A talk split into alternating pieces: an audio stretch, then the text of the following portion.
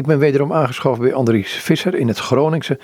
En voor me ligt een boek, Drijfveren, Kierkegaard over angst, liefde, vertwijfeling en geloof. Een uitgave van uitgeverij Damon in Eindhoven. Uh, Andries, ehm, in het vorige gesprek hebben we het voornamelijk gehad over angst en liefde. Ook wel wat over geloof en vertwijfeling, maar meer getoucheerd. Uh, ik wil het nu meer bij de kop pakken aan de hand van die vertwijfeling en, en dat geloof. Um, allereerst naar Kierkegaard toe. Um, misschien een kleine recapitulatie van wat we de vorige keer besproken hebben. Iets over angst, iets over liefde. Um, en dan mag je ook iets vertellen over Kierkegaard zelf, wie hij was. Ja, dat is eigenlijk misschien wel aardig om, om iets over hemzelf. Juist omdat het om dit soort vraagstukken gaat. Kijk, ik schrijf in mijn hoofdstuk over angst, ook over Kierkegaards angst. Heb ik een paragraafje. Waarom? Nou, kijk, een mens kan natuurlijk over dit soort dingen eigenlijk alleen maar werkelijk iets schrijven als hij er ook in zichzelf iets van ontdekt heeft. Kijk, je kan natuurlijk uh, zeggen, ja, maar een psycholoog kan ook over angst schrijven. Jawel, maar een psycholoog die zelf geen angst zegt te kennen, die zal niet veel mensen genezen. Een psycholoog die, zou Kierkegaard zeggen trouwens, een psycholoog die in zichzelf niet nagedacht heeft over wat zijn eigen angsten zijn, die gaat nooit zich kunnen verplaatsen in de angst van een mens. Want angst is niet iets van bepaalde mensen. Ik ga zeggen, angst is van iedereen. Angst is menselijk, hoort bij het menselijke leven. En het is juist omdat het bij het menselijke leven hoort, is het goed om erover na te denken. En is het goed om in jezelf op het spoor te komen. Want als je dat ontdekt, dan is er ook een mogelijkheid om te zoeken naar een antwoord. Om te zoeken naar, kan je dat op een of andere manier hanteren? Kierkegaard schrijft over zijn eigen angsten. En dat heeft hem aan het denken gezet. Heel simpel met bijvoorbeeld dat boek, dat boek over angst dat hij geschreven heeft, het begrip angst. Hij zal zeggen, hij had nagedacht over het probleem van het kwaad. En dat bracht hem bij een vraagstuk als angst. Niet omdat hij zegt alle kwaad heeft met angst te maken, maar kwaad kan met angst te maken hebben en heel vaak heeft het met angst te maken. Kun je het verder uitleggen? Ja, weet je, het, is, het zit voor hem zo. Hij werd natuurlijk geconfronteerd met een theologie waarin een sterke nadruk op het begrip zonde lag. Maar al vroeg schrijft hij in zijn dagboek: Het is toch wonderlijk, er is één factor die bij dat begrip zonde over het hoofd wordt gezien. Men komt vaak meteen dogmatisch met het begrip zonde en dus tamelijk zwaar naar voren. Terwijl men vergeet die psychologische factoren. Wat speelt er nou bij zonde? Wat speelt er bij het menselijke kwaad? En dan zegt hij: een van de dingen waar te weinig over nagedacht is, is angst. Dat schrijft hij dus al heel vroeg. En dan gaat hij ook op zoek zelf naar wat er in de literatuur zo over geschreven is. En dan ontdekt hij dat er eigenlijk helemaal niks over geschreven is. Ja, natuurlijk kom je wel eens vrees of angst tegen bij Spinoza als het gaat over de, de affecten, over de emoties. Maar een werkelijke verhandeling over angst, nergens. En dan besluit hij dat boek zelf te schrijven. Omdat hij in zichzelf ontdekte, ja maar angst is eigenlijk een belangrijke drijfveer. Niet alleen in mij, maar in alle mensen. En zo is hij tot het schrijven van het boek het begrip angst. En dan begrijp je ook meteen waarom in dat boek er eigenlijk twee polen zijn: het menselijke kwaad en de angst. Want hij heeft gezien, die hebben iets met elkaar te maken. Dat gebeurt. Onder invloed van angst doe je dingen waar je soms spijt van hebt. En hij zegt, dus ik wil ook dat begrip zonde uit die zware dogmatische hoek halen en, en zoeken naar het menselijk kwaad van, ja maar hoe zit die mens in elkaar? Hoe kan angst je tot kwaad brengen? En daarmee wil je het kwaad niet wegpoetsen. Want als iemand onder invloed van zijn angst een ander een flinke tik heeft verkocht, een oplawaai zouden we zeggen, dan is dat nog niet goed te praten, maar het is wel goed om te ontdekken dat het onder invloed van angst was. En zeker als je dat voor jezelf gaat ontdekken, want dan kan je misschien in het vervolg iets minder los met je handjes zijn. Nou, Kierkegaard ontdekt dus in zijn eigen leven ook angsten. En daar vind je dingen over in zijn dagboeken. Ik heb daar ook wel in het boek voorbeelden van gegeven. Iemand die in zichzelf angst ontdekt, wordt ook milder naar anderen. Want gaat ook in anderen ontdekken dat de, een belangrijke drijfveer vaak angst is. Zo is hij op het spoor gekomen. En zo is hij daar een boek over gaan schrijven. Maar niet alleen maar een boek. Juist, want dat boek op zich is een psychologisch werk en is best een tamelijk moeilijk werk. Maar in zijn andere boeken is hij ook mensen gaan opvoeren. Mensen die in allerlei situaties door angst werden overvallen. Plotseling. Of bij wie angst een belangrijke drijfveer was om hun leven op een bepaalde manier in te richten. Nou, wat wij ook kennen. Je kunt zelfs zo door angst worden gedreven dat je je leven totaal op de veiligheid instelt. Maar dat kan hele ernstige psychologische gevolgen hebben zelfs. Het is niet voor niks dat angst de, een van de belangrijkste psychiatrische en psychologische ziekten is geworden. Maar het is natuurlijk geen ziekte. Het is iets heel menselijks. Alleen als je het niet onder ogen durft te zien en als je het niet durft toe te laten dat het er is en te erkennen, dan kan het op een verschrikkelijke manier met je aan, de loop gaan. Stel toch dezelfde vraag als in het, in het vorige gesprek. Wat is angst?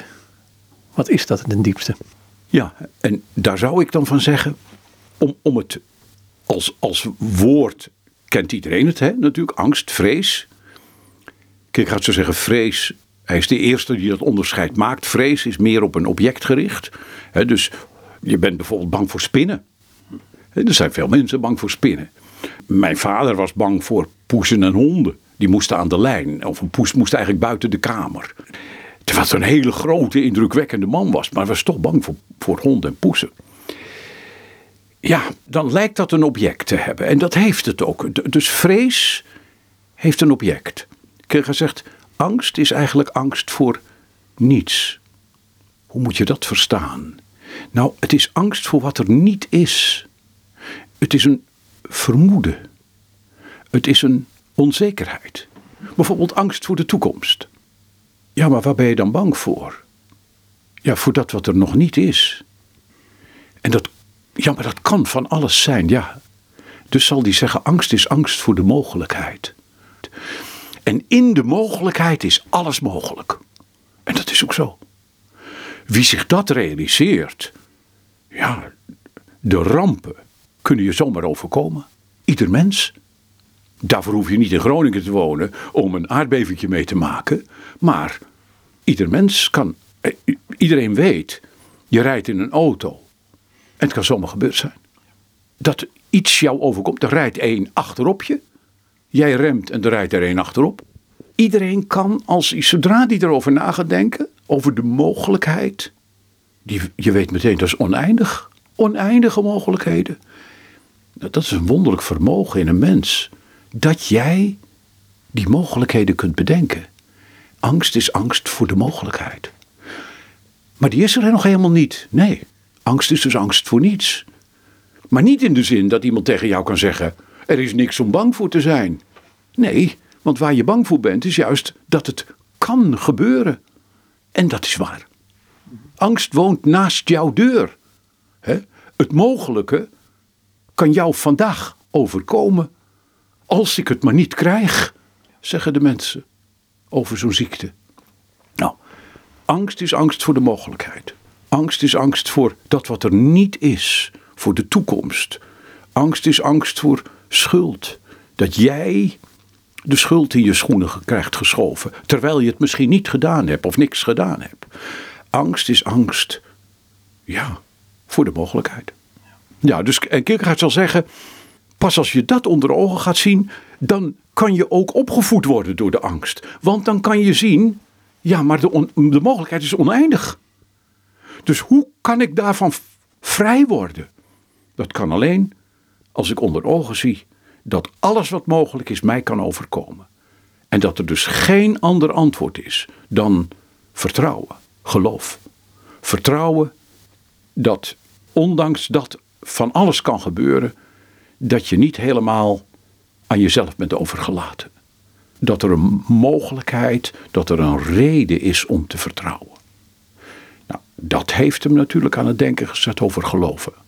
Over geloven, allereerst vanuit het vermogen van vertrouwen wat ieder mens heeft, maar geloven ook als vertrouwen dat er een God is die tenslotte deze wereld en jouw leven niet aan zijn lot overlaat. En ja, dat is natuurlijk een heel fundamenteel vertrouwen. Daarom ook zal Kierkegaard nooit eerst komen met christelijk geloof.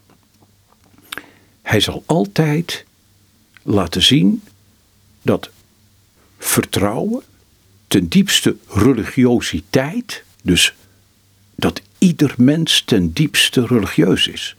Iets wat je in deze tijd al haast niet meer kunt zeggen. En toch is het heel belangrijk. We hebben jaren in de psychiatrie en de psychologie meegemaakt. in de tachtiger jaren van de vorige eeuw. dat het onderwerp religie was not done. Dat had je het niet over. Want dat was de oorzaak van alle psychische problemen. En het tegendeel is waar. We zijn juist tot de ontdekking gekomen Mede onder invloed van boeken als van Wouter Kusters over de filosofie van de waanzin. Iemand die zelf ontdekt heeft, juist in de psychose, dat het mystieke iets was wat hem kon helpen, wat hem er, terwijl hij dat van huis uit niet geleerd had. Wij durven weer te zeggen, ten diepste is ieder mens religieus. Kierkegaard zegt, ieder mens is religieus. Wat bedoelt hij daarmee? Ieder mens heeft een innerlijk leven. In dat innerlijke leven is hij altijd, als het goed is, in gesprek met zichzelf. Voor hem heeft dat ook iets met God te maken. Want als je ten diepste in gesprek bent met jezelf, dan ben je in gesprek met God. Of we dat nou zo ervaren of niet, maar dat gelooft hij. Het gesprek met jezelf, dat is een gesprek met iets in je innerlijk. Met iets waar, dat, waar die vermogens. Hoe komt de mensen die vermogens van vertrouwen en liefhebben? Ja, zeg het maar. Laten de mensen me dat maar uitleggen. Kierkegaard zal zeggen, heeft met God te maken. Zo komt de mens aan die vermogens. Heeft met God te maken. Wie dat niet gelooft, prima, die mag het anders uitleggen. Die mag uitleggen hoe een mens aan die vermogens van liefhebben en vertrouwen komt. Want dan moet hij wel een uitleg voor zien te geven. Nou, als je dat onder ogen gaat zien. En angst dus gaat leren kennen als een belangrijke drijfveer in het menselijk leven. Dan ga je ook zoeken naar antwoorden. Dan ga je ook zoeken naar hoe kan je daarmee omgaan. Wat is mens zijn? Angst heeft dus altijd te maken met iets wat zich in je innerlijk afspeelt. Dat is heel zeker. En wat zich soms ook in allerlei symptomen uit. Van trillen tot koude handen, tot het bloed loopt uit je hoofd, spierwit ineens word je, enzovoort. Dus er zijn symptomen, maar het heeft iets te maken met je innerlijk. Daar is een werking van angst. En als je erover nadenkt, en hij zegt dat moet, dat is reflectie over angst Angst is angst voor de mogelijkheid. En die mogelijkheid kan desastreus zijn. Angstwekkend, zeggen we niet voor niks. Nee, die sirene gaat nu op dit moment. Dus, uh, maar goed, het is het eerste van de maand altijd, hè, deze tijd. Dus heel mooi. Uh, ik ga terug naar, naar iets wat je eerder in dit, dit, dit gesprekje zei. Van, tenminste, die gedachte komt bij mij op. Uh, hoe, en het, dan moet ik een beetje in deze tijd denken. Hoe vreselijk is het dan als je bang bent voor de mogelijkheden, hoe vreselijk is het dan als je alleen maar op jezelf teruggeplooid bent? En verder geen, niet de illusie hebt, niet de notie hebt dat er iets buiten jouzelf is of nog iets anders is waarmee je in gesprek kunt komen. Kijk, het is in ieder geval zo, dat maak je je niet altijd bewust. Dat is het punt. Dus gewoon als, als mens, je bent in deze maatschappij, je wordt opgevoed en van God is geen sprake. Dan zit je natuurlijk ben je geworpen in een wereld die uit materie bestaat. Er is niet voor niks zo'n zoektocht onder veel mensen naar zin, naar wat zou er, wat is er buiten ons? Veel mensen zoeken toch naar het kosmische, naar het esoterische, iets van een houvast buiten zich. En daar heb je weer dat eerste van het religieuze. Ten diepste is ieder mens religieus. En gaat dus op zoek naar iets buiten zich wat hem houvast zou kunnen geven. Wat zijn leven zin zou kunnen geven. Wat hem doel geeft. Nou, dat is wat Kierkegaard, is trouwens wel prachtig, want dat noem ik ook in mijn boek, wat hij religiositeit aannoemt. En het is zo belangrijk om te zien, want Kierkegaard wordt vaak voor een christelijk schrijver en laat het duidelijk zijn, hij was zelf een gelovig mens die ook in Jezus Christus geloofde. Maar hij is gaan nadenken over wat, hij, wat is geloof eigenlijk. Dat heeft met vertrouwen te maken. En ten diepste is ieder mens religieus. Dat betekent dus, ieder mens heeft een innerlijk leven en daar kan hij zichzelf over bevragen. Hij zoekt naar zin. Hij zoekt naar wat is wezenlijk in mijn leven? Wat is voor mij belangrijk? Waarom is liefhebben belangrijk voor mij? Want het wonderlijke is, of mensen nou zeggen gelovig te zijn of niet. Maar vertrouwen en liefhebben blijkt voor alle mensen belangrijk te zijn. Daarom is, zeg ik, voor, dat is voor alle mensen zijn dat drijfveren in hun bestaan. En het is goed om erover na te denken. Maar hoe kan je dan, kom, je dan, kom je dan bij het christelijk geloof uit? Nou, zegt hij, dat, dat noemt hij religiositeit B. Hij zegt, kijk, en veel christenen kunnen daar nog wat van leren, ook in deze tijd. Hij zal zeggen, er bestaat helemaal geen religiositeit B zonder religiositeit A. Kijk, we leven in een wereld waarin niet alleen maar het christendom bestaat natuurlijk. Wij weten ondertussen van islam, we weten van hindoeïsme, we weten van, ja, noem maar op. Wat is dat allemaal? Ja, dat is allemaal religiositeit. De mens is een religieuze zoeker. De wereld is vol van religiositeit A. En religiositeit A, als je daar niet doorheen bent gegaan, kun je zelfs met christelijk geloof niks hebben. Dan wordt christelijk geloof iets van een, een aantal stellingen, een aantal dogma's. Voor Kierkegaard is er niks erger dan dat christelijk geloof iets zou zijn als een aantal leerstellingen. Dat kan niet geloof zijn. Dat voelt iedereen ook aan. Als het dat stempel krijgt, een aantal leerstellingen, als je die nou maar gelooft, dan ben je een gelovige. Ja, kom nou toch. Eh, een aantal leerstellingen, dat is iets wat je uit je hoofd kunt leren. Een soort geloofsbeleidenis. Je leert het uit je hoofd en dan ben je een gelovige. Nou, natuurlijk niet. Kierkegaard zal zeggen, je moet eerst naar religiositeit A. Dat wil zeggen, je moet naar wat betekent het om religieus te zijn? Dat betekent dat je een innerlijk leven hebt, dat je op zoek gaat naar wat zich in je innerlijk afspeelt. Dat je op zoek gaat naar waar je door gedreven wordt. Dat je op zoek gaat naar liefhebben en vertrouwen. Dat je dus tot de meest fundamentele dingen van je leven, dat je daar naar op zoek gaat.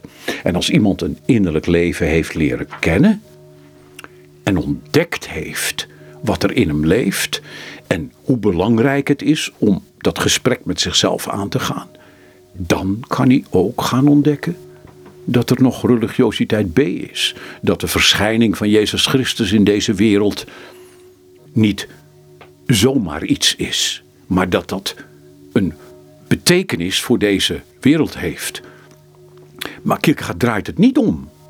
Want wie eerst van alles over het christendom denkt te moeten leren uit zijn hoofd, die komt nooit bij dat innerlijke leven uit.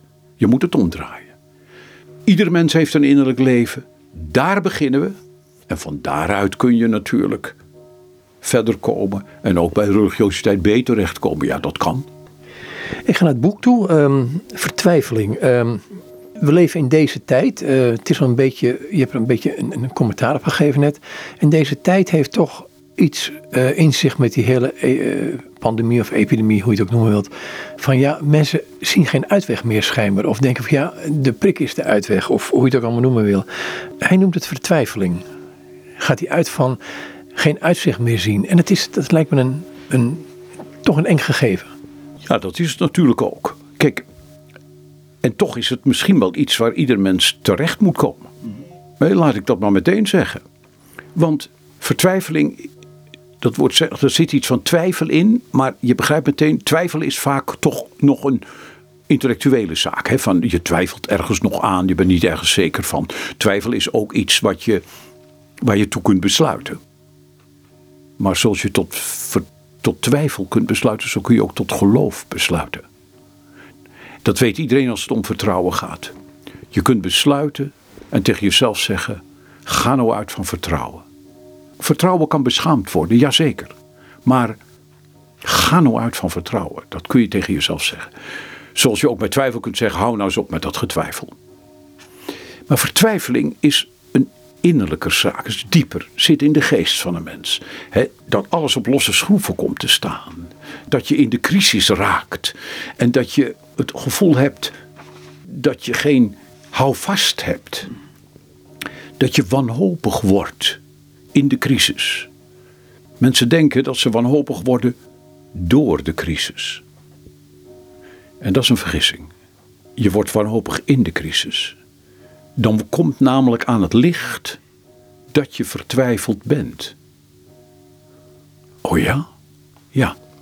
Heel simpel voorbeeld. Mensen zullen zeggen: ja, maar als ik dat of dat verlies, dan zou ik vertwijfelen. Bijvoorbeeld, als je geliefde sterft, dan zou voor mij het leven voorbij zijn, zouden sommige mensen zeggen. dan raak ik volledig in de vertwijfeling, in de wanhoop. Ja, dus dan zeggen we, of als je bijvoorbeeld ehm, je baan kwijtraakt. Dan zeg je, dan ben ik wanhopig, want wat moet ik zonder baan? Ja, zegt Kierkegaard. Dan ben je ook vertwijfeld. Maar er komt aan het licht dat je vertwijfeld was. En je denkt, dat is gek. Was ik vertwijfeld? Ja, zegt hij. Die baan was zo belangrijk voor je. Dat als je dat zou verliezen, dan zou je je leven kwijt zijn eigenlijk. Dan ben je alles kwijt. En dat betekent dus dat alles, wat dat dan ook zijn mag, maar dat dat vastzit op het hebben van die baan. Of het hebben van die geliefde. En dan zeg kijk, dan bestaat jou, de zin van jouw bestaan, het wezen van jouw bestaan, zit dan in iets anders. Dat zit niet van binnen, dat zit niet in, de, in vertrouwen en liefhebben, in een verhouding, bijvoorbeeld in een godsverhouding. Dat zit dus niet in je innerlijk, dat zit niet van binnen het meest wezenlijke, maar het meest wezenlijke zit van buiten. Zit in een relatie, in een baan, in je geld, noem maar op. Als ik al mijn geld zou verliezen, enzovoort. Nou, dan zit daar, maar hij zegt dat betekent dat je in wezen vertwijfeld bent, want op een vertwijfelde manier bezit je die baan. Op een vertwijfelde manier bezit je die relatie. Hij wijst dus aan dat die vertwijfeling diep in een mens zit dan. Die zit dus van binnen. En die wordt dus niet veroorzaakt door het verlies van die baan. Maar het verlies van die baan brengt aan het licht. Kierkegaard heeft een voorbeeld. Hij zegt, uh, iemand wil Caesar worden. En bedoelt hij mee bijvoorbeeld, hij wil een prachtige positie krijgen. Hij wil een goede positie krijgen. En daar doet hij alles voor. Dus schitterende opleiding. En het lukt hem. Hij wordt Caesar. Dan is hij ook vertwijfeld. Maar dan merkt hij het niet, zegt, zegt Kierkegaard. Want, zegt hij, kijk, als hij niet Caesar wordt, als het hem dus niet lukt om dat ideaal te verwezenlijken, dan zou hij vertwijfeld zijn. En dan zou hij zeggen: Ik ben vertwijfeld omdat ik niet dat en dat geworden ben. Nee, zegt hij, je was vertwijfeld. Want die wens, dat alles op dat ene vastzit, iets buiten jezelf, waar je eigenlijk niets aan doet, want dat weten we ook allemaal, je moet ook altijd een beetje geluk hebben, zeggen we dan. Moet je ook een beetje meezitten. Ja. En als het je nou tegenzit, ben je dan vertwijfeld omdat het je tegenzit? Nee, hij zegt dan was je vertwijfeld. Want dat waar je alles ingelegd hebt, dat was iets buiten je. Hij zal het over het liefhebben bijvoorbeeld zeggen. Nou sterft je geliefde. Dat is verschrikkelijk. En Kierkegaard bagatelliseert dat niet. Hij zegt dat is een diep verdriet. En dan moet je treuren. Lang en diep treuren. Je moet ook niet ophouden zomaar met treuren, maar je moet diep treuren. En altijd weer mag dat. Want je mag naar je verdriet terugkeren. Maar vertwijfelen is wat anders. Vertwijfelen is dat je het leven opgeeft eigenlijk. Dat dus, maar dat mag je niet vertwijfelen. Hij zegt, want dan heeft het leven in die geliefde gezeten. Jouw leven in die geliefde. Dus buiten je. Nee, zegt hij, je moet treuren en laat er alle ruimte zijn om te treuren. Maar, weet je wat je ook moet? Je moet lief hebben. Dat is een opdracht. En dat kun je vandaag. En hij zegt dan eerst denk je wat gek. Iemand die zijn geliefde kwijt is. En dan zeg je tegen zo iemand je moet lief hebben. Ja, zegt hij, dat is nou precies het punt. Want dat is wat hij nog kan. Dat is wat hij vandaag kan. En als je dat gaat ontdekken, dat je vandaag kunt liefhebben, de mensen om je heen, jezelf, die kleine omgeving waarin je leeft, dat jij daar kunt liefhebben. Dat is het enige wat een mens er bovenuit kan tillen. Hij zegt dus die opdracht om lief te hebben, als je dat gaat ontdekken, dat kan die vertwijfeling overwinnen. Want dan ineens heb je iets ontdekt in jezelf wat jij vandaag kunt. En wat ook die vertwijfeling niet het verdriet weg kan nemen, maar wat wel je vertwijfeling kan wegnemen. Waardoor je ineens vandaag iets hebt om, om je aan toe te wijden. Nou, dat is de kern eigenlijk, hè, dat hij voelt. Er is een enorm verschil tussen verdriet en vertwijfeling. Vertwijfeling is daar waar de zin van jouw bestaan, waar de kern van je bestaan buiten jezelf ligt, in iets materieels of in een relatie of wat dan ook, daar waar de kern van je bestaan daar ligt, daar ligt de wortel van de vertwijfeling. Dan moet ik aan twee dingen denken dan. Enerzijds, eh, je houdt van iemand, je, je, je geeft je een liefde aan iemand, dat kan je vrijheid geven. Ehm, tegelijkertijd is het ook loslaten van diezelfde persoon. Die, die, die rare contradictie die erin lijkt te zitten. Ja, kijk, loslaten in de zin van, jij, het, is heel bijzonder als, als, als, als een vriendschap of een relatie. Dat is echt iets heel bijzonders. Maar het is ook geluk. Het is ook iets wat je overkomt. Hè? Nou, op het moment dat daar, ik zou, zou zeggen, de, de wortel, de kern van je bestaan komt te liggen. Op het, op het moment dat je zegt, ja, maar zonder dat ben ik niets meer of ben ik niemand. Eh, je voelt meteen al aan bij dat soort uitdrukkingen. Dat maak je je natuurlijk niet altijd bewust. Maar het is goed om, om tot jezelf te komen en te denken: wat nu? Denk aan angst voor de mogelijkheid. Wat nu als die ander er niet meer zou zijn? Daar angst voor de mogelijkheid. Want dat kan. Dat kan. En dat kan morgen zo zijn. En daar willen we niet aan. Maar we weten, zodra je eerlijk wordt voor jezelf, weet je, dat kan morgen zo zijn. Oké.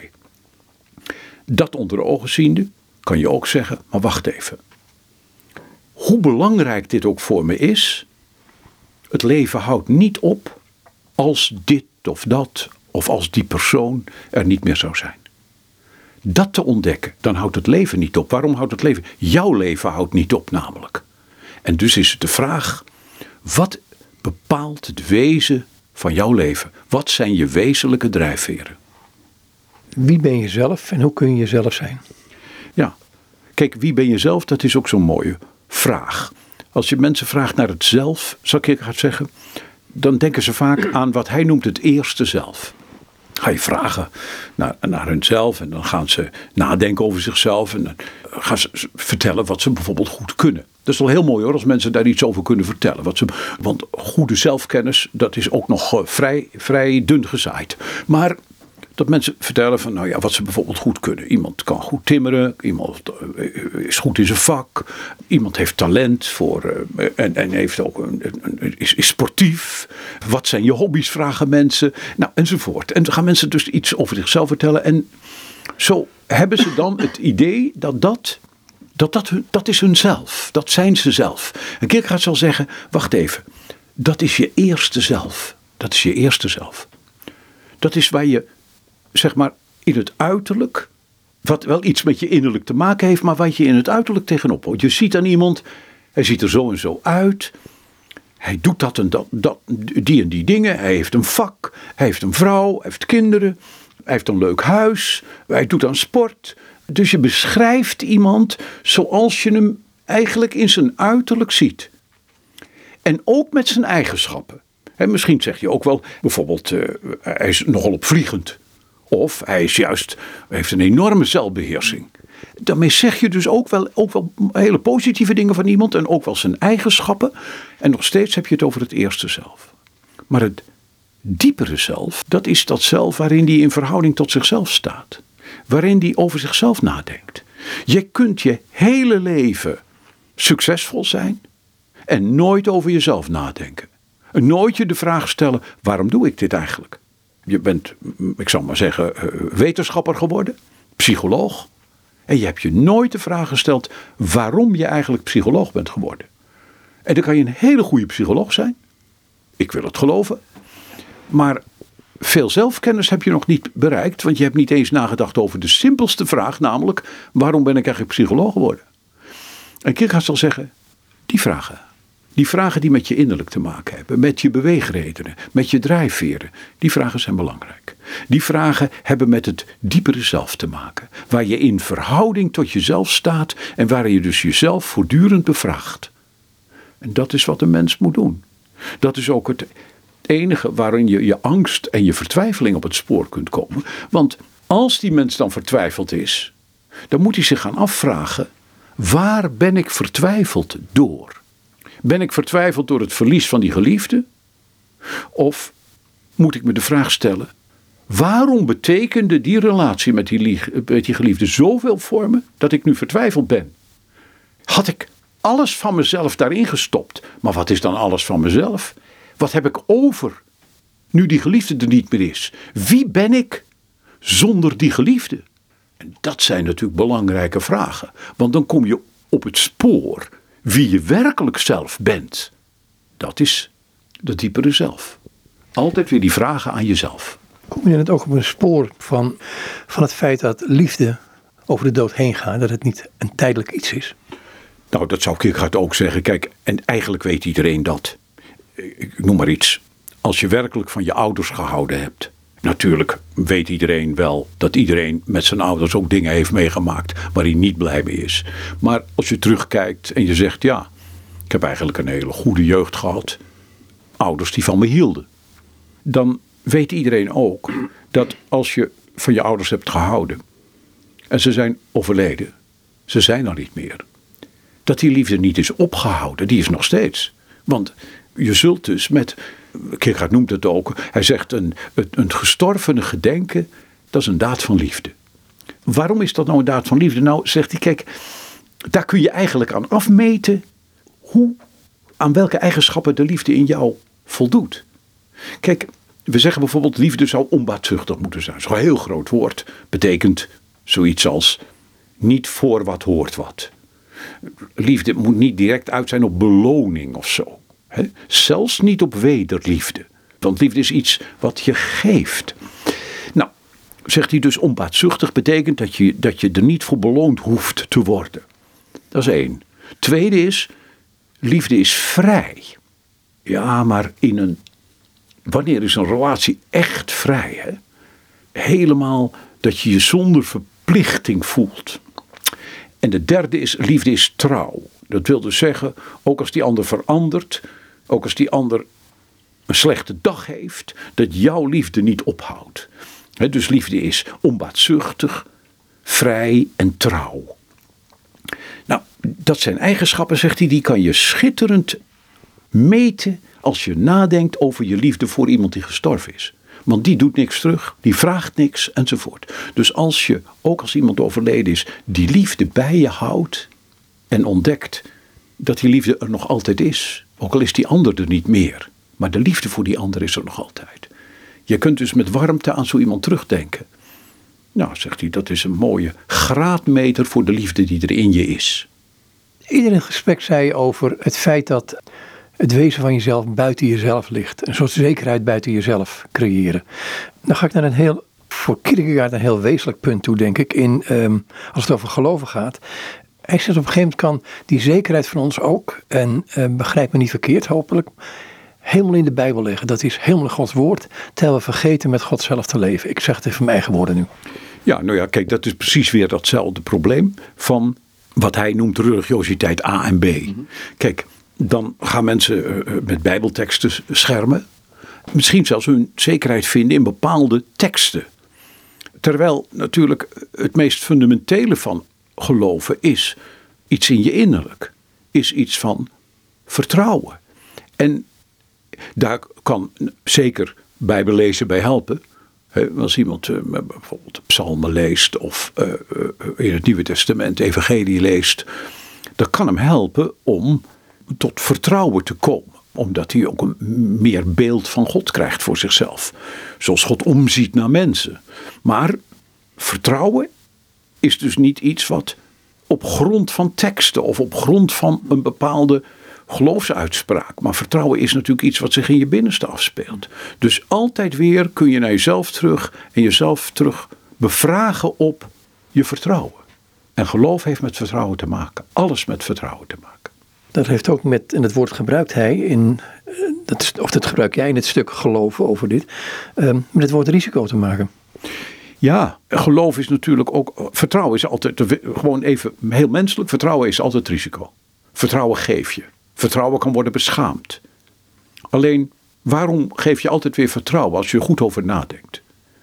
Kirk heeft een hoofdstuk geschreven onder de titel De liefde gelooft alles en wordt toch nooit beschaamd. En je denkt, ja, maar wacht even. De eerste reactie is natuurlijk, ja, maar wacht even, de liefde gelooft alles. Maar dan, dan kan je natuurlijk voor de mol worden gehouden. Nee, zegt hij, ja. Dat gaat hij niet ontkennen. Maar hij zegt dit. Kijk, stel je nou voor dat jij lief hebt en dat die ander bedriegt. Stel je dat voor. Dus dat is het meest ernstige wat er kan gebeuren. Liefhebben, vertrouwen, is altijd een risico. Jij hebt lief en die ander bedriegt je. Zegt, dat is een akelige situatie. Dat is pijnlijk. Dat kan zelfs tot vertwijfeling leiden. Maar, welke vraag moet je dan stellen? Nou, hij zegt, het is een simpele vraag hoor. Deze vraag. Wie is er het slechts aan toe? De bedrieger of de bedrogene? Stel dat jij bedrogen bent. Dat is pijnlijk. Dat is verdriet. Dat kan je aan het wankelen brengen. Enzovoort. Maar wie is er slecht aan toe? De bedrieger. Die is er slecht aan toe. Ja, maar die weet het niet. Des te erger, zal die zeggen. Wie een ander bedriegt, die is er slecht aan toe. Juist als hij het niet weet. Dus als jij dan, zegt hij, in jezelf dat liefhebben weet te bewaren, misschien zelfs voor die ander, maar ook in je situatie van elke dag, dan kan je evengoed een rijk mens zijn met een verdriet, met pijn, met moeite. Maar die bedrieger, die is er slecht aan toe. En die kan alleen maar daaruit komen door terug te komen van zijn bedrog. Door dat te erkennen enzovoort. En je weet best dat dat vaak niet gebeurt. Dan leeft zo iemand daarmee. Het is net als met een leugen. Kierkegaard zal zeggen, wie is er slecht aan toe? De leugenaar. Natuurlijk, die is de vrijheid kwijt. Zegt hij in het boek Het begrip angst. Die leugenaar is de vrijheid kwijt.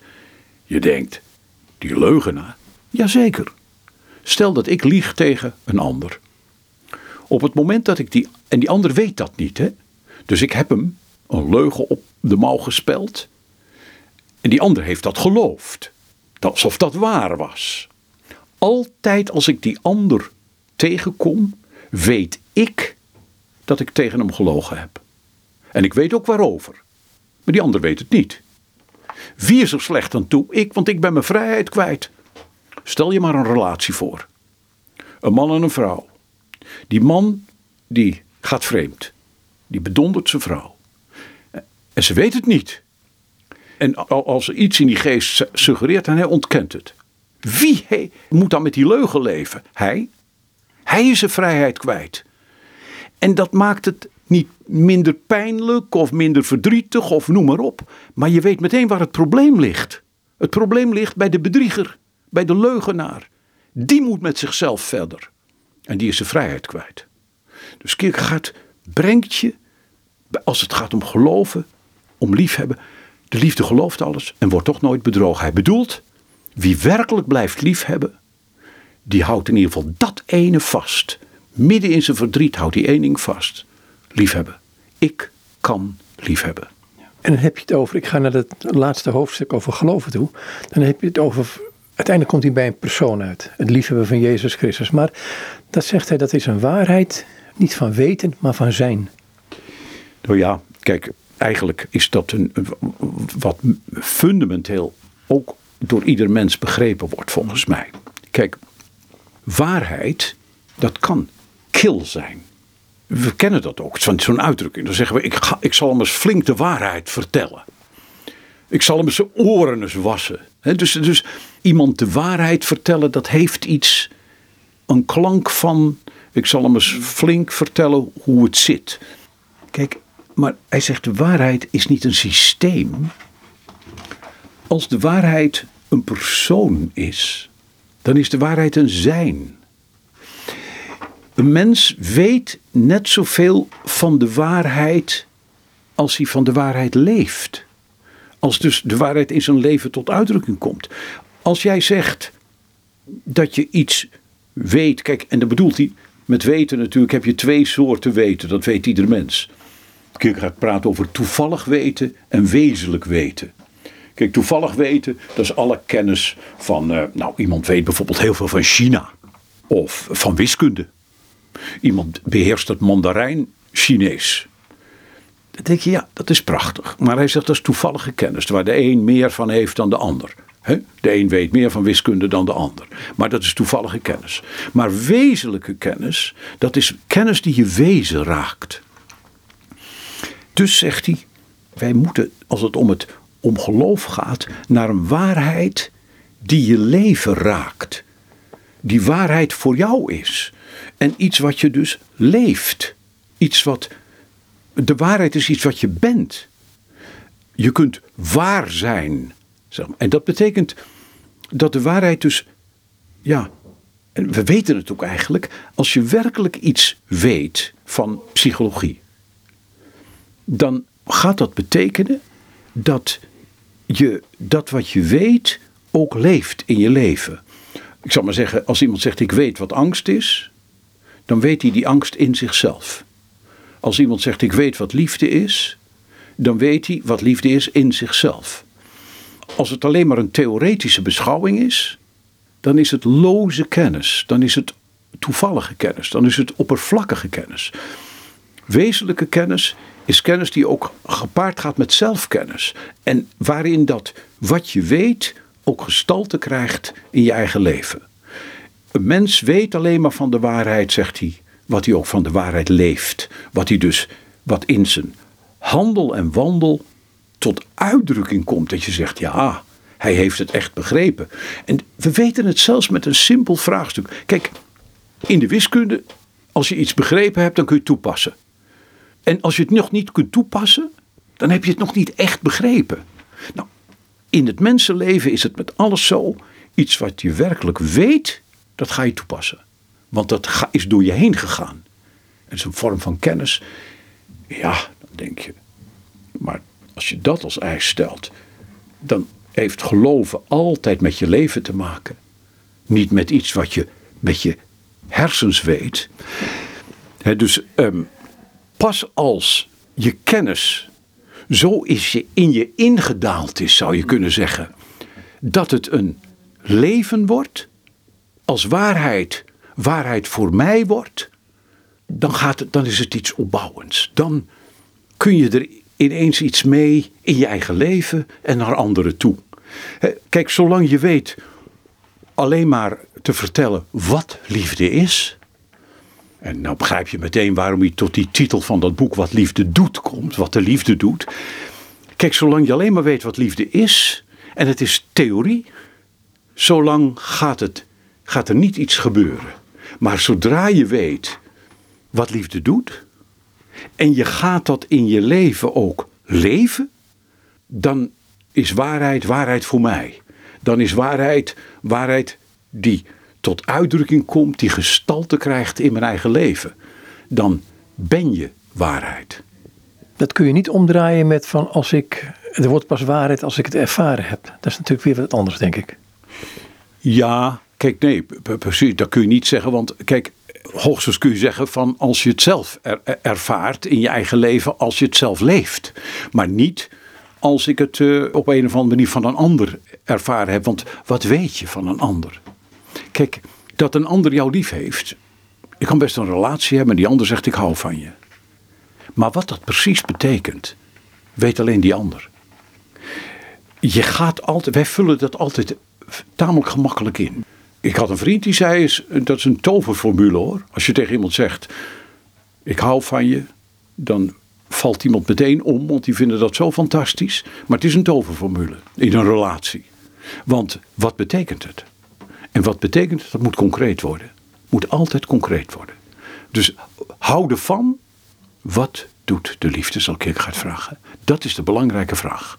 En dan schrijft hij er een boek van 400 pagina's over en je begrijpt dat hij al zegt, ach, wezenlijk is het niet te beschrijven. Want in alles kan de liefde zijn. Alleen het is een oneindig verschil als iets gebeurt met liefde en het gebeurt zonder liefde. Ook al is het dezelfde handeling, in verpleging of wat dan ook, dan weet je, het is een oneindig verschil. Liefde is iets wat je leeft. Ik ga door naar iets wat je zelf zei over het jezelf kunnen zijn. Um, op een gegeven moment zeg je in het boek dat ehm, niemand kan bij God komen als hij niet dichter bij zichzelf komt. Tot rust komen in God betekent voor Kierkegaard terechtkomen bij jezelf. En dan zegt hij op een gegeven moment als het om God gaat en om het zoeken van God, wat moet je dan zoeken? En daar, daar kom je op een gegeven moment bij de stilte uit. En dat vond ik eigenlijk wel mooi, misschien als afsluiting van het gesprek, om daar ook uit te komen. Het is een heel verhaal, dat weet ik, maar goed. Ja, nou kijk, aan het slot probeer ik natuurlijk iets van dat persoonlijke te vinden. En zal, ik ga zeggen, ik ben ervan overtuigd dat God van ieder mens houdt. Dus je kan zeggen, ja, God houdt van mij. Maar nee, God houdt van ieder mens. Hij zegt alleen, je kunt je dat bewust zijn of je bent het je niet bewust. En dat is precies het grote verschil. Op het moment dat je het je bewust wordt, is dat iets rustgevends. Is dat iets waar je in kunt gaan leven. Van dat rustpunt van dat God er is en met je spreekt. En tot je spreekt. Maar hoe spreekt God dan, zegt hij? Nou, gewoon in je innerlijk. God spreekt niet anders tot een mens dan in zijn innerlijk. Dus als je gaat luisteren, zelfs het gesprek met je geweten is voor Kierkegaard het gesprek met God. God spreekt tot je in je innerlijk. Als jij tot stilte komt, dan ga je ook iets vernemen. En je zegt, dan ga je niet ineens stemmen horen. Nee, maar als je tot stilte komt, dan ga je wel iets vernemen van God zelf. Dan zal die zeggen, juist omdat de mens kan spreken, juist daarom is het een kunst om te kunnen zwijgen. En juist omdat dit voorrecht dat hij heeft hem zo gemakkelijk in verleiding brengt, is het een grote kunst om te kunnen zwijgen. Maar dat kun je leren. Dat kun je leren. Hoe moet je dat dan leren? Nou, door stil te worden. En dat is maar dat is een opgave? Ja, zegt hij, het is een kunst om stil te worden. En toch is dat het begin. Het is een voorrecht van de mens dat hij kan spreken, maar in de verhouding tot God gaat een mens, hoe langer hij zich in die verhouding oefent, juist meer en meer zwijgen. Misschien dacht je dat bidden betekent dat je spreekt. Maar dan zul je in het bidden juist leren dat bidden niet alleen betekent dat je zwijgt, maar dat je hoort. En dat moet ook zo zijn. Bidden is niet jezelf te horen spreken, maar tot zwijgen te komen en te blijven zwijgen, te wachten tot je in het bidden God hoort. Dat is wonderlijk. En eigenlijk ook weer wezenlijk wat ieder mens weet. Als je tot stilte komt, dan borrelen er soms zomaar ineens gedachten of zinnen of woorden in je boven. Of een totale stilte. Dat je werkelijk tot rust en tot stilte komt. En hij zegt, daar is God. In de binnenkamer. In het innerlijk van een mens. Daar kan hij tot stilte komen. Daar spreekt God tot die ene mens. En je zegt, beeldt hij zich dat dan niet in? Ja, dat kun je zeggen. Maar hij zegt, dat is niet zo. Het is juist in die stilte, want dat innerlijke leven, dat heeft God in die mens gelegd. Hij Ieder mens, hij of zij, heeft een innerlijk leven. Kan zichzelf vragen stellen. Kan daar tot rust komen. Kan daar zoeken naar antwoorden. Zoeken naar antwoorden op de meest wezenlijke vragen van zijn leven. Zoeken naar antwoorden op wat drijft mij eigenlijk? Wat is voor mij belangrijk? Wat draagt mijn leven? Ik las een tekst in een van de Johannesbrieven. Daarin stond: ehm, Dit is het wezenlijke van de liefde, dat God ons eerst heeft liefgehad. Vraagt dat om overgave, als ik jou zo hoor spreken? Ja, overgave is denk ik een, belangrijk woord. Uh, en dus een belangrijk begrip. Overgave is ook tot rust komen, tot stilte komen. Is dat het je lukt om even dingen los te laten, dingen af te pellen. Bij het wezenlijke van je, van je bestaan te komen, jezelf vragen te stellen. Ehm, overgave is ook. Ehm, kijk, je gaat nooit werkelijk lief hebben zonder overgave. Je gaat nooit werkelijk vertrouwen zonder overgave. Want je moet iets loslaten. We hadden het toen straks even over risico. Zonder risico is er geen geloof. Want zonder risico is er geen vertrouwen. Zonder risico is er ook geen liefhebben. Want wie alles zeker wil weten, dat bestaat helemaal niet, dat is het eerste, bestaat natuurlijk niet. Maar in de tweede plaats, wie alles zeker wil weten, dan ben je de overgave kwijt. Dan ben je het loslaten kwijt. Dan ben je het risico kwijt en dus alle vertrouwen. Want er is helemaal geen vertrouwen zonder risico. Wagen, je moet altijd wagen. En wagen, mensen zeggen ja, maar dan neem je risico. Ja, natuurlijk, dat is de onder, dus de kern van wagen. Wagen is altijd risico. Wagen is altijd overgave. Is dat een overgave aan God die, ehm, ja, hoe moet ik dat zeggen? Ehm, ik heb een keer iemand dit horen zeggen. Ja, ik ben er nog niet aan toe, want ik durf het eigenlijk nog niet. Is er een reden volgens Kierkegaard om bang voor God te zijn? Of hem niet te vertrouwen? Want dat is een zonde eigenlijk volgens hem. Hè? Nou, ja, kijk. Als iemand zegt ik durf het nog niet, dat vind ik al een hele sterke uitdrukking. Want dat betekent dat je over jezelf hebt nagedacht. En dat je nog een angst hebt om, om, om, een, om, om een laatste overgave te kennen. Maar ik ga meteen weer terug naar die menselijke relaties. Kijk, in een menselijke relatie kennen we dit ook. Dat een mens moeite heeft om tot overgave te komen, om dingen los te laten, om zich aan die ander toe te vertrouwen enzovoort. Dus het is helemaal niet iets wat, wat uit, een ander, uit een ander vlak komt of wat, waar we geen weet van hebben. En dat is natuurlijk ook zo met een overgave aan het vertrouwen dat het met deze wereld niet afgelopen is en dat met jouw leven, dat jouw leven niet wegvalt, niet um, um, betekenis heeft, dat God geen belang heeft bij jouw bestaan. Kijk, die angstwekkende gedachte die kan er natuurlijk in een mens opkomen. En die komt ook op. Want je leeft in een wereld waarin dat van alle daken geschreeuwd wordt. En om dat dan vast te houden, dan moet je altijd weer bij jezelf komen. Maar dan moet je ook tot die ontdekking komen, er is niks anders. Er is niks anders. De angst voor de mogelijkheid. In de mogelijkheid is alles mogelijk. Dus er kan van alles gebeuren. En hoe kan, hoe kan ik dan nog leven? Alleen maar vanuit vertrouwen. Dus dat is een keus voor vandaag. Dat is iets waar je je vandaag aan kunt toevertrouwen. En daarmee vertrouw je je ook aan God toe. Want dat is overkoepelend, zou ik haast kunnen zeggen. Dat is overkoepelend over alles heen. En, maar het gaat om heel dichtbij. Heel dichtbij het vertrouwen aan dat wat er vandaag is. Ja, hij zegt, je zegt nog één vraag, oh sorry. Ehm, hij zegt op een gegeven moment, het is, het is niet ver weg, het is niet bij grootste dingen, maar het is in het dag, dagelijkse, het, het alledaagse, gewoon in de huiskamer, in, noem het maar. Ja, het zal zeggen, kijk, daar, daar is waar, waar de, ergens zegt die de, een van zijn pseudoniemen, die zegt ja, die huiskamer, dat is waar het gebeurt natuurlijk. Je kunt wel grootse vergezichten tekenen en een of andere prachtige preek beluisteren, waardoor je meegesleept wordt. Maar hij zegt, ja, wacht even. Het wezenlijke leven speelt zich natuurlijk af in de huiskamer. Hij bedoelt gewoon in het dagelijks leven. Daar moet het gebeuren. Dus zou het heel goed zijn als je de moeilijkheden die je daar tegenkomt, als die geschilderd werden. De moeilijkheden van om te blijven liefhebben, ook als die ander niet lief heeft. Om te blijven vertrouwen, ook als die ander geen vertrouwen geeft. Om als de omstandigheden moeilijk zijn, om in de crisis te geloven. Om dus tot vertrouwen te komen, ook vanuit de crisis, om te, om te ontdekken dat die crisis een crisis buiten is. En, en dat het niet een crisis van binnen hoeft te worden, maar dat jij die crisis niet de baas kunt. Dat klinkt allemaal zo zwaar uh, en zo groot. Nee, maar dat je in die crisis kunt blijven vertrouwen. Dus dat je op jezelf wordt teruggeworpen en zegt: hoe kan ik deze crisis de baas? Hoe kan ik deze, de angst van deze crisis de baas?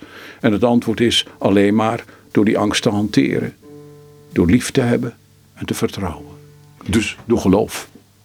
Dus het vertrouwen dat ben ik weer even bij die religiositeit B, dat met de komst van Jezus Christus in deze wereld iets zo groots gebeurd is, dat God heeft laten zien dat hij zich over deze wereld ontfermt.